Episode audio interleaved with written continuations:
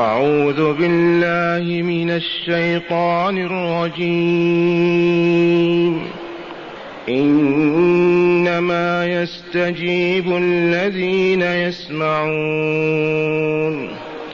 والموتى يبعثهم الله ثم إليه يرجعون. وقالوا لولا نزل عليه آية من ربه قل إن الله قادر على أن ينزل آية قل إن الله قادر على أن ينزل آية ولكن أكثرهم لا يعلمون وما من دابة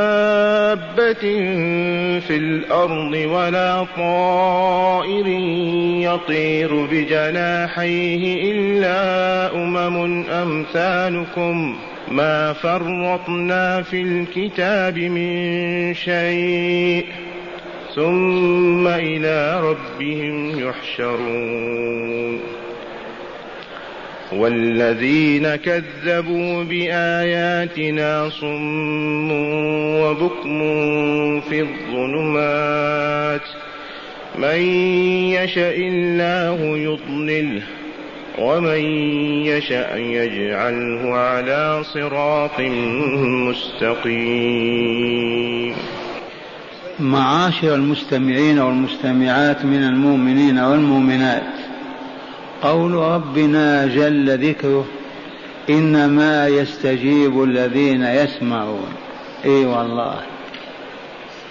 إنما يستجيب لدعوة الحق ويقبلونها ويأخذون بها من هم؟ الذين يسمعون.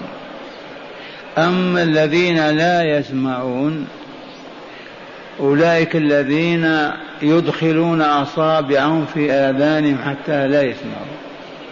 أولئك الذين يستغشون ثيابهم حتى لا يسمعوا. أولئك الذين إذا سمعوا صوت الحق أو كلمته أدبروا وأعرضوا. ما يريدون أن يسمعوا. فهؤلاء لا يستجيبون. فلا تأسف يا رسولنا. ولا تكرب ولا تحزن عليهم. إنما يستجيب الذين يسمعون. والسماع بواسطة هذه الحاسة أو الآلة الأذنين. ولو شاء الله ما سمع أحد. ولكن وهبنا الله هذه الآلة التي نسمع بها. فإذا المرء أصغى وأراد أن يسمع يسمع.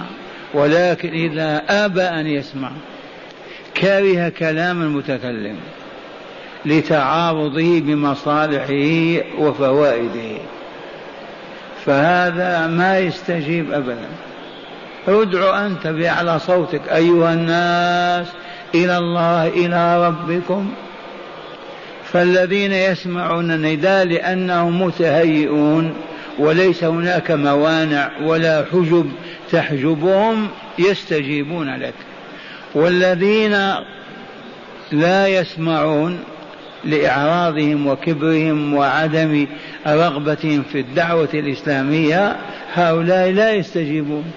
فلا تتألم ولا تحزن ولا تكرب. فحصر الله تعالى استجابة دعوة الداعي في من يسمعون. أما الذين فقدوا حاسة السمع بمكرهم وكفرهم وخداعهم وباطلهم هؤلاء لا يستجيبون ولو تظل يومك كاملا. أيها الناس أنقذوا أنفسكم زكوا أرواحكم هذبوا عقولكم ما يستجيبون.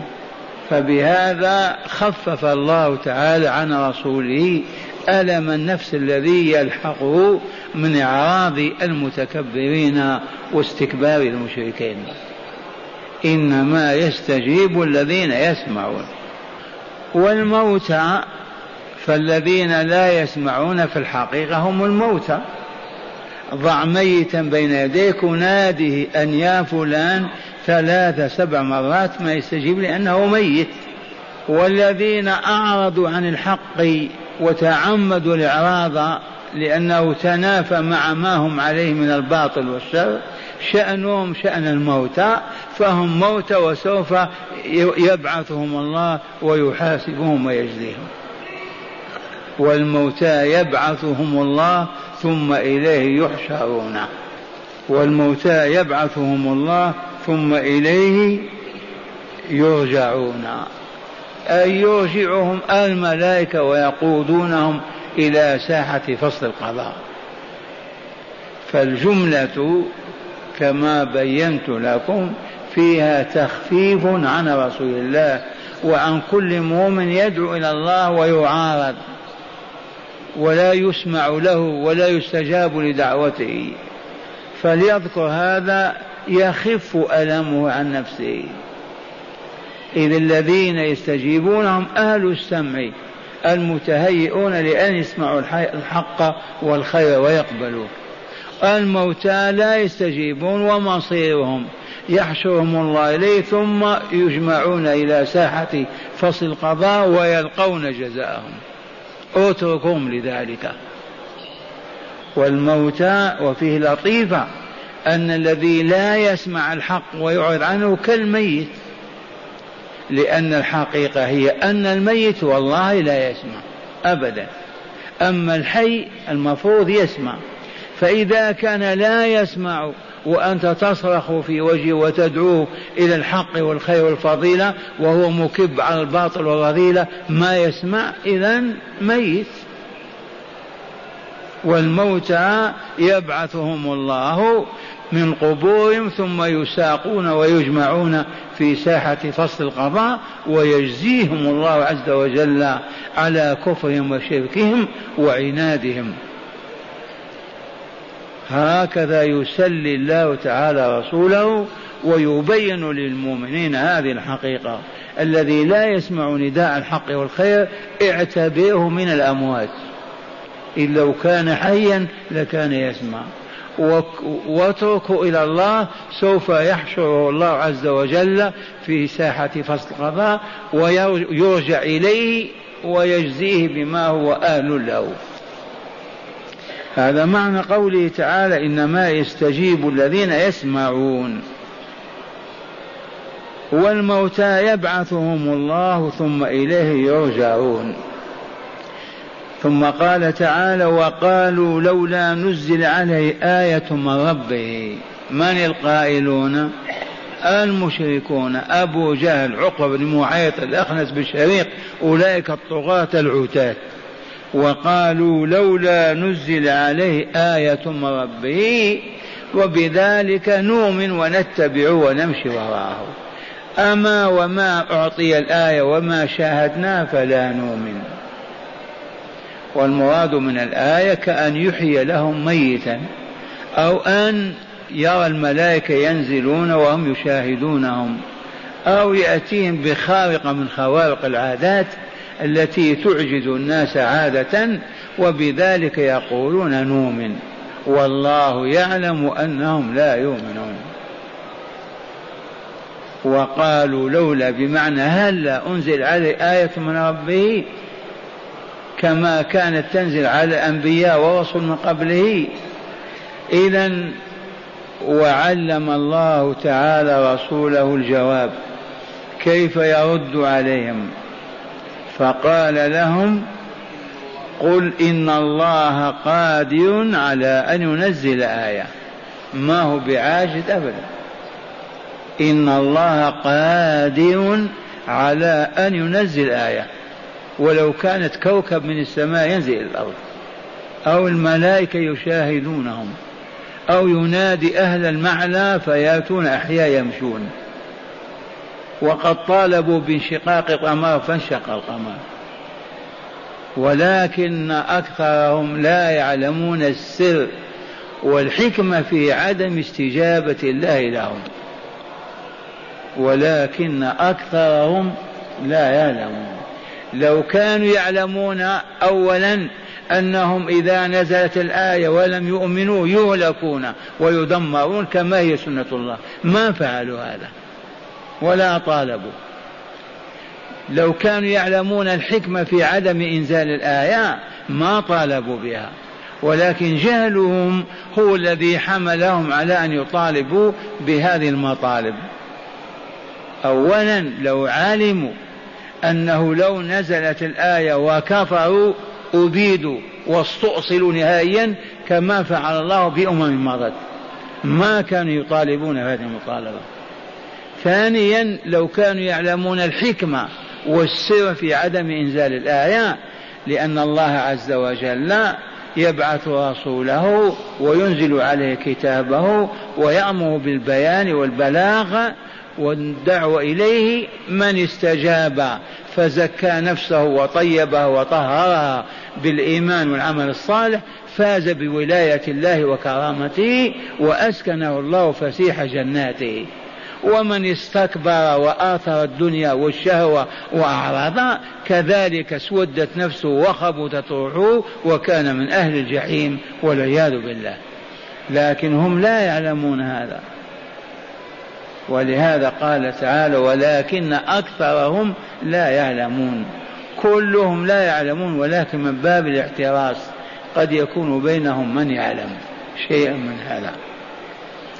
وقالوا لولا نزل عليه آية من ربه.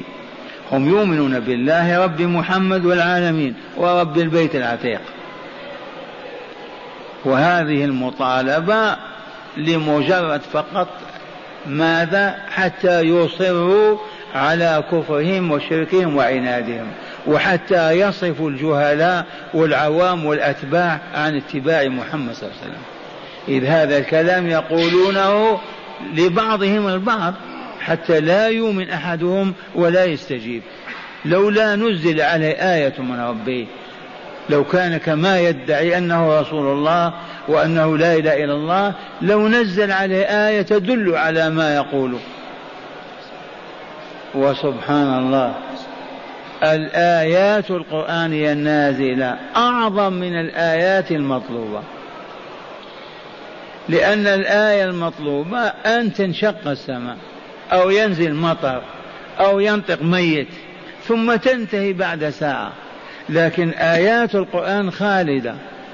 كيف يصح أو يكون لأمي لا يقرأ ولا يكتب أن يتكلم بهذا الكلام؟ ويتلقى هذه العلوم والمعارف. ليست من عنده بل من الله. كيف لا يكون نبيا ورسولا؟ كيف يطلب الحج على أنه رسول الله وهو يتكلم بكلام الله والله يأمره ويقول قل إنما الآية عند الله. ولكن من كتب الله شقوتهم وضلالهم ما يستجيبون. يعاندون ويكابرون حتى يموتوا على كفرهم وعنادهم وشركهم. وقالوا لولا نزل عليه آية من ربه قل يا رسولنا قل لهم إن الله قادر على أن ينزل آية. ما هو بعاجز أبدا.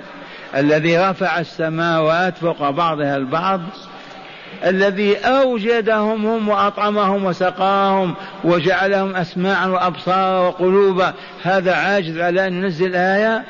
وآياته في الكون كله ظاهرة. يرفع رؤوسهم إلى السماء يشاهدون الشمس والقمر والكواكب. ولكن الجهل ولكن أكثرهم لا يعلمون. فأكثر المعاندين والمجادلين والمخاصمين والمحافظين على الباطل وعلى الفساد والشر أكثرهم والله لا يعلمون. العلم الحقيقي. العلم الذي هو أسرار وحكم الله عز وجل في خلقه وشرعه وعباده. ثم قال تعالى وما من دابة في الأرض ولا طائر يطير بجناحيه إلا أمم أمثالكم. هذا خبر من أخبار الله تعالى. يقول عز وجل وما من دابة في الأرض والدابة كل ما دب دبيبا على الأرض أسرع في مشي أو تباطأ. يدخل في هذا الإنسان والحيوانات التي تمشي على الأرض.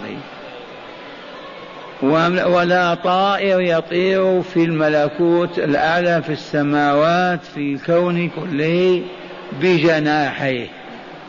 احتراس لأن العرب يقول طار فلان ويطير فلان مبالغة في سرعته. فعلمهم أن الطائر الذي بجناحيه ويدخل فيه أنواع الطير على اختلافها وهي أنواع وأمم. انظر إلى العصافير وانظر إلى الغربان والبازات. كل هذه الطائرة وكل هذه الدب على أمم أمثالكم. والأمم جمع أمة. والأمة ما يجمعها وقت واحد أو يجمعها لسان واحد أو يجمعها إقليم وأرض ومكان واحد. يقال في أمة مجموعة. ارفعوا رؤوسكم وانظروا إلى الكون. أفتحوا أعينكم وأبصاركم في هذا هذا الخلق العظيم. من ثم تستحون أن تقولون لو أنزل الله عليه آية. وهذه الآيات كلها بين أيديكم. وما من دابة في الأرض تدب وتمشي من إنسان أو حيوان ولا طائر يطير بجناحيه في السماء إلا أمم أمثالكم. وهنا السؤال هل يرسل الله تعالى إلى تلك الأمم رسلا يدعونهم إليه ويعرفونهم به؟ ليعبدوه وحده. أما الإنس فهذا أمر مقطوع به وهذا رسول الله وهذا كتاب الله. أما الجن فلم يرسل الله تعالى إليهم رسلا بمعجزات ولكن يرسل إليهم من ينذرونهم. النذر. يفهمون عن عيسى أو موسى أو نوح ويبلغون إخوانهم من الجن ويعلمونهم ما يعمله الآدميون بواسطة نبيهم أو رسولهم. وهذا دل عليه القرآن الكريم من آخر سورة الأحقاف وإذ صرفنا إليك نفرا من الجن يستمعون القرآن فلما حضروه قالوا أنصتوا فلما قضي ولوا إلى قومهم منذرين قالوا يا قومنا إنا سمعنا كتابا أنزل من بعد موسى مصدقا لما بين يديه يهدي إلى الحق وإلى طريق مستقيم. يا قومنا أجيبوا داعي الله وآمنوا به يغفر لكم من ذنوبكم ويجيركم من عذاب أليم. ومن لا يجب داعي الله فليس بمعجز في الأرض وليس له من دون أولياء أولئك في ضلال مبين. أقول يجب أن نعلم أن عالم الإنس يرسل الله تعالى فيهم الرسل وقد بلغت الرسل ثلاثمائة وأربعة عشر رسولا والأنبياء عشرات الآلاف. الجن عالم أمة من أمم خلق الله هؤلاء يأتيهم الحديث والنبأ والخبر والعلم من طريق الرسول الذي ينزل ويرسله الله في البشر إخوانهم ينقلون عنه ويبلغونه. يبقى الدواب الطير في السماء والحيتان في الماء وباقي الحيوانات على الأرض. اولا الذي نعلمه يقينا أنهم يسبحون الله عز وجل ويكبرونه. وإن من شيء إلا يسبح بحمده. والتسبيح تنزيه الله وتقديسه عن كل النقائص ومنها الإشراك به والعياذ بالله. وإن من شيء لا يسبح بحمده.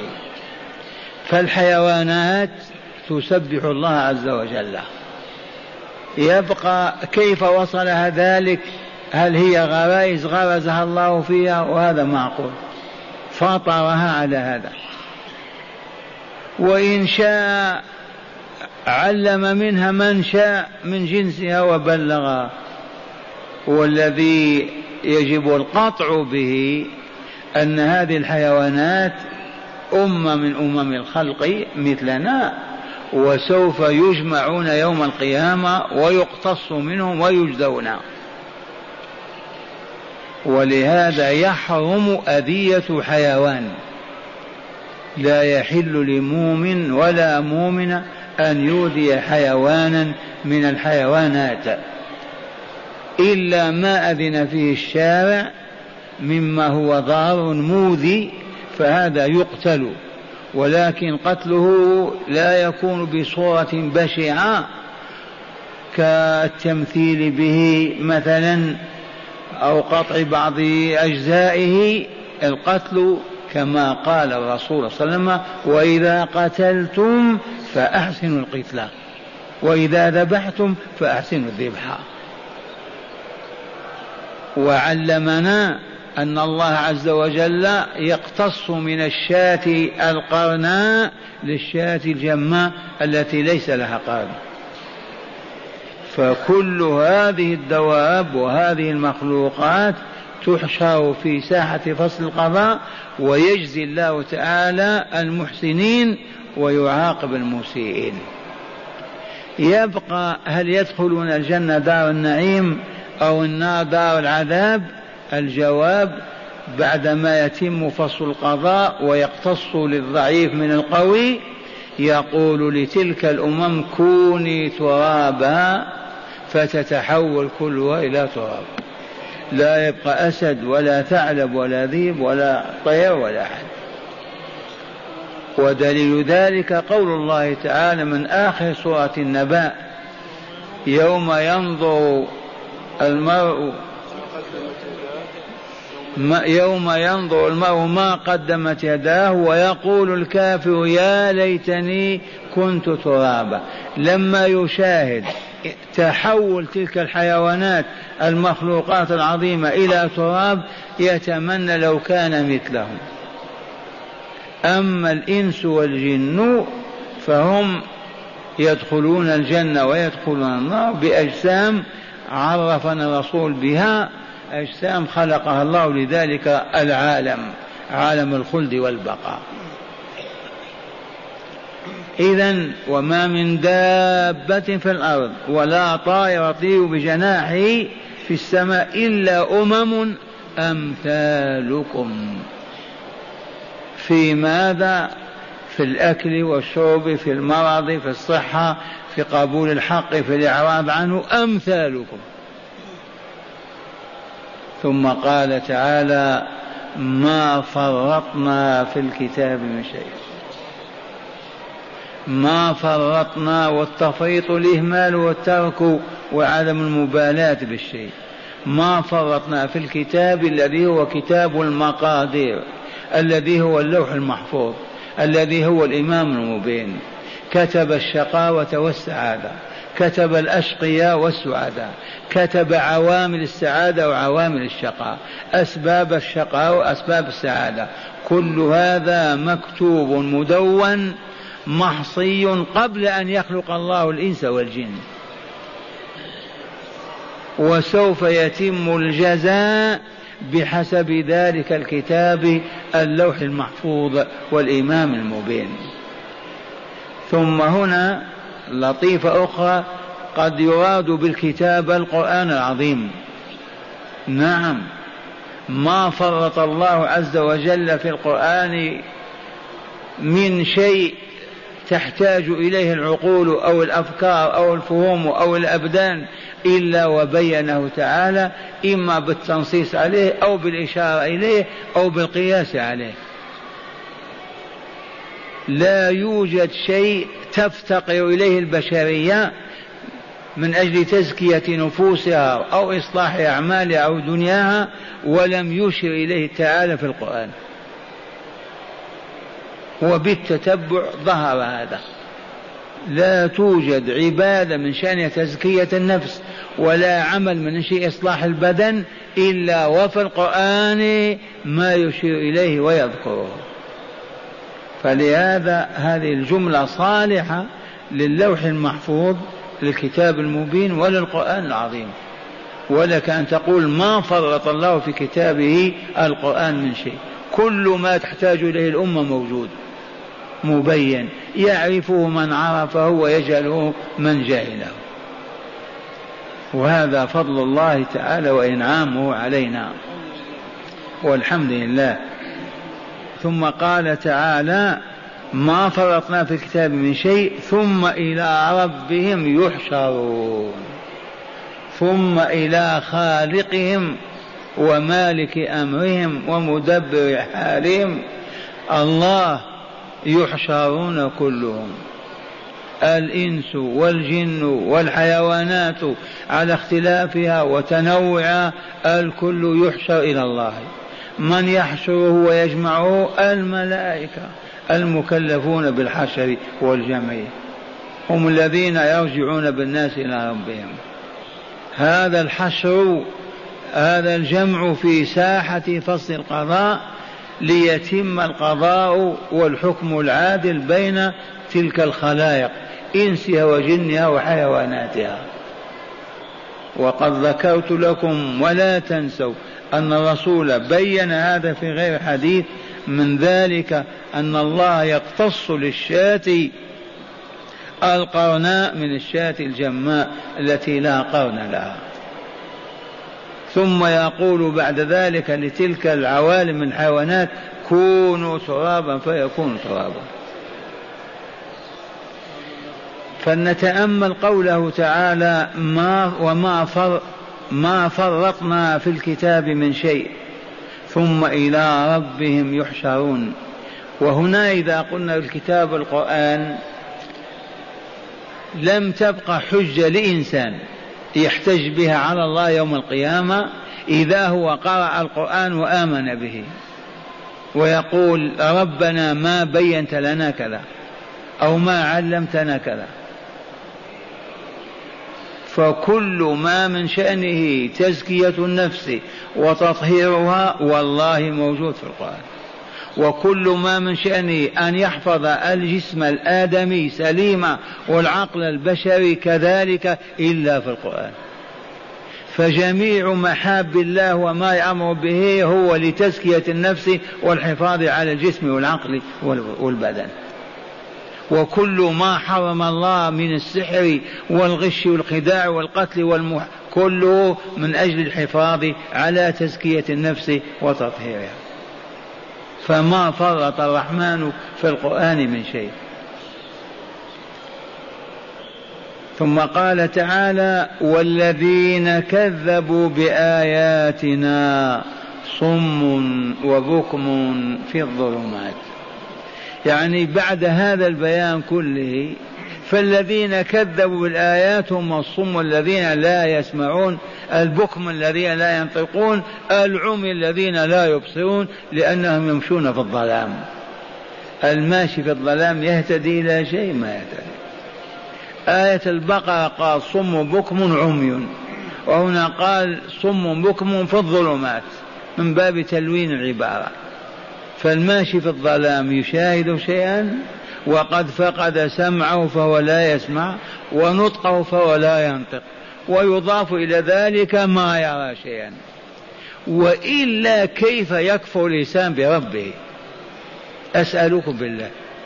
هو يعلم أنه مخلوق وإلا خالق هو مخلوق وإلا لا؟ يعلم أن الله عز وجل هو الذي أوجد له هذه الأقوات التي يأكل ويشرب. هو الذي أوجد له هذه الأرض عليه يسكن. هو الذي رفع السماء فوقه هو هو هو كيف يجحده وينكره؟ كيف يتأتى ولكن التكذيب الذي ينشأ أولا عن الجهل فإذا كذب وعرف بين الناس بأنه ينكر هذا الدين أو هذه الملة أو هذا الخلق حينئذ يفقد سمعه تكلم معه طول الليل والله ما يسمع صوتك. يفقد لسانه ما ينطق بمعروف أبدا أبكم. ما يستطيع يقول يا بني فلان أو يا فلان الحق كذا وكذا. ما ينطق. ثم هو يمشي في الظلام ما يعرف الحق ولا يهدي إليه غيره. وذلك لتكذيبه. ماذا قال تعالى؟ والذين كذبوا بآياتنا القرآنية التنزيلية وآيات الله الكونية العلوية والسفلية إذ كل كائن آية على وجود الله. بعوضة تراها دلالة على وجود خالقها. سمك في بطن البحر وعمقه من خلقها؟ من أوجدها؟ من غذاها؟ من من؟ لا بد أن تقول الله فالمحنة كما كانت أولا في الجهل الآن في التكذيب. المكذب من هو؟ الذي يعرف الحق وينكره. هذا التكذيب. يعرف ما تقول أنه حق. لا أقول. كذب. كذاب. لا تسمع له. فهذا المكذب هو بمثابة من؟ الأصم الذي لا, يكس لا يسمع كلمة. والأبكم الذي لا يقوى على النطق بحرف واحد. والأعمى الذي لا يبصر أو الماشي في الظلام الذي لا يشاهد شيئا. معاشر المستمعين والمستمعات عرفتم الجهل والتكذيب. البلاء والشقاء كله من هذين الفتنتين. الجهل عدم معرفة الأسرار والحقائق والأحكام هذا من شأنه يجعل العبد يتكبر ويعرض ولا يسمع. ولكن التكذيب أعظم من ذلك. إذا كذب الإنسان بالشيء ما يستجيب. والذين كذبوا بآياتنا صم وبكم في الظلمات. ظلمات الحياة. بمعنى عميان لا يبصرون. ومرة ثانية لماذا يكذب الإنسان؟ أنا أخبركم أننا في المسجد النبوي في من يقول لا الذي يكذب تكذب ما هو المسجد النبوي؟ ثبات لفائدة لمصلحة لغرض تعلق له. هذا المكذب والعياذ بالله تعالى يفقد سمعه وبصره ولسانه. لا ينطق بالحق ابدا لأنه كذب. كيف يعترف به؟ يفقد بصره ما يرى شيئا كأنه في الظلام. والذين كذبوا بآياتنا صم وبكم في الظلمات. مرة ثانية نعوذ بالله أن نكون من المكذبين. ولا يحل لأحدنا أن يكذب ولا أن يكذب.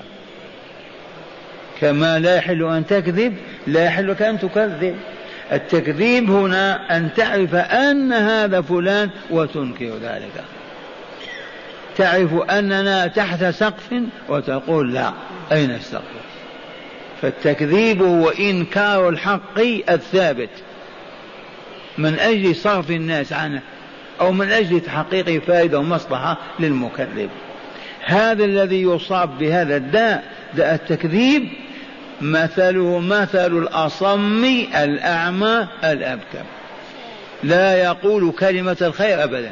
ما يعرف أن ينطق بها. فاقد حاسة النطق. لا يبصر لو تعرض عليه الكون كله ما يشاهد. والعياذ بالله تعالى. هكذا يقول تعالى والذين كذبوا بآياتنا صم وبكم وفي الظلمات. وأخيرا يقول تعالى من يشاء الله يضلله. أرد الأمر إليه. أرد الأمر إليه عز وجل. من يشاء الله إضلاله أضله. يا عبد الله إلا أن تطلب الهداية منه. بيده الهداية وبيده الإضلال. ثق في هذا واطمئن. من يشاء الله يضلله أضله. يصبح لا يسمع ولا يبصر ولا يرى. الذي لا يسمع ولا يبصر ولا ما أضله الله ها في متاهات. لا يسمع كلمة الحق ولا ينطق بها. ولا يبصر آية من آيات الله دل عليها. لأن الله أراد إضلاله. من يشاء الله يضلله ومن يشاء يجعله على صراط مستقيم. معاشر المستمعين أريد أن نقول الهداية والإضلال بيد الله. كذا ولا لا هو الخالق المدبر للكون والحياة. من شاء إضلاله أضله ومن شاء هدايته هداه. إلى الصراط الموصل إلى سعادته ونجاته. هنا ما الذي ينبغي أن ننتقل إليه بعد ما علمنا أنه لا يملك الهداية ولا الإضلال إلا هو. والله العظيم هو الذي بيده الهداية وبيده الإضلال. كما بيده الموت وبيده الحياة ولا لا على حد سواء. ثانيا إذا آمنا بهذا واطمأنت إليه نفوسنا يجب أن نطلب الهداية منه ونستعيذ به من الضلال. نطرح بين يديه في كل صلاة وفي كل سجود. نسأل هدايتنا ونستعيذ به من إضلالنا. لأنه يملك الإضلال ويملك الهداية. هذه الثانية وهي بعد اعترافنا بأن الهداية والإضلال بيد الله يجب أن نعرف أن للهداية أسبابها وللإضلال أسبابه. ويجب أن نطلب الهداية من الذي يملكها وأن نستعيذ به من الإضلال الذي يملكه. ومعنى هذا لا بد من الافتقار اللازم للعبد. لا تستغني أبدا عن الله. الهداية لها أسباب وإلا لا؟ ما أسبابها أن تصغي أن تسمع أن تستخدم حواسك وتنظر أن تجرب فتظهر لك النتيجة فتحصل على الهداية. تسأل فقط هذا الطريق أنا أريد مكة دلني على الطريق. يقال لك خذ كذا وكذا ولا تلتفت إلى كذا وكذا. لأنك راغب في الهداية. والذي يطلب الضلال ويعرض عن الهداية فيسلك سبل الضلال الكذب والجهل والعناد والحرب هذه كلها عوامل إضلاله. فالله عز وجل لا تفهم أنه يضل مهتديا أبدا. أو طالب هداية يحرمه. لأنه قاد على إضلاله. ما قرع باب الله أحد يريد الهداية إلا هداه. ما طلب مؤمن إنسان كائن ما طلب هداية إلى الصراط المستقيم إلا هداه الله إلى ذلك. ومن أعرض واستكبر وعاند وأعرض إذا ضل بسبب إعراضه واستكباره وعناده وتكذيبه. هكذا يقول تعالى والذين كذبوا بآياتنا صم وبكم في الظلمات. كيف كيف يهتدون؟ من يشاء الله يضلله ومن يشاء يجعله على صراط مستقيم. أخيرا هذه تعزي المؤمنين والدعاة وعلى رأسهم رسول الله صلى الله عليه وسلم. ما حتى ما يكربوا يحزنوا لعلمهم أن الله يضل من يشاء ويهدي من يشاء. من كتب الله ضلاله لن يهديه أحد. ومن كتب هدايته لن يضله أحد. ولكن لا بد من أن تقرع باب الله وتسأله الهداية. ولا بد أن تستعيذ به من الضلال.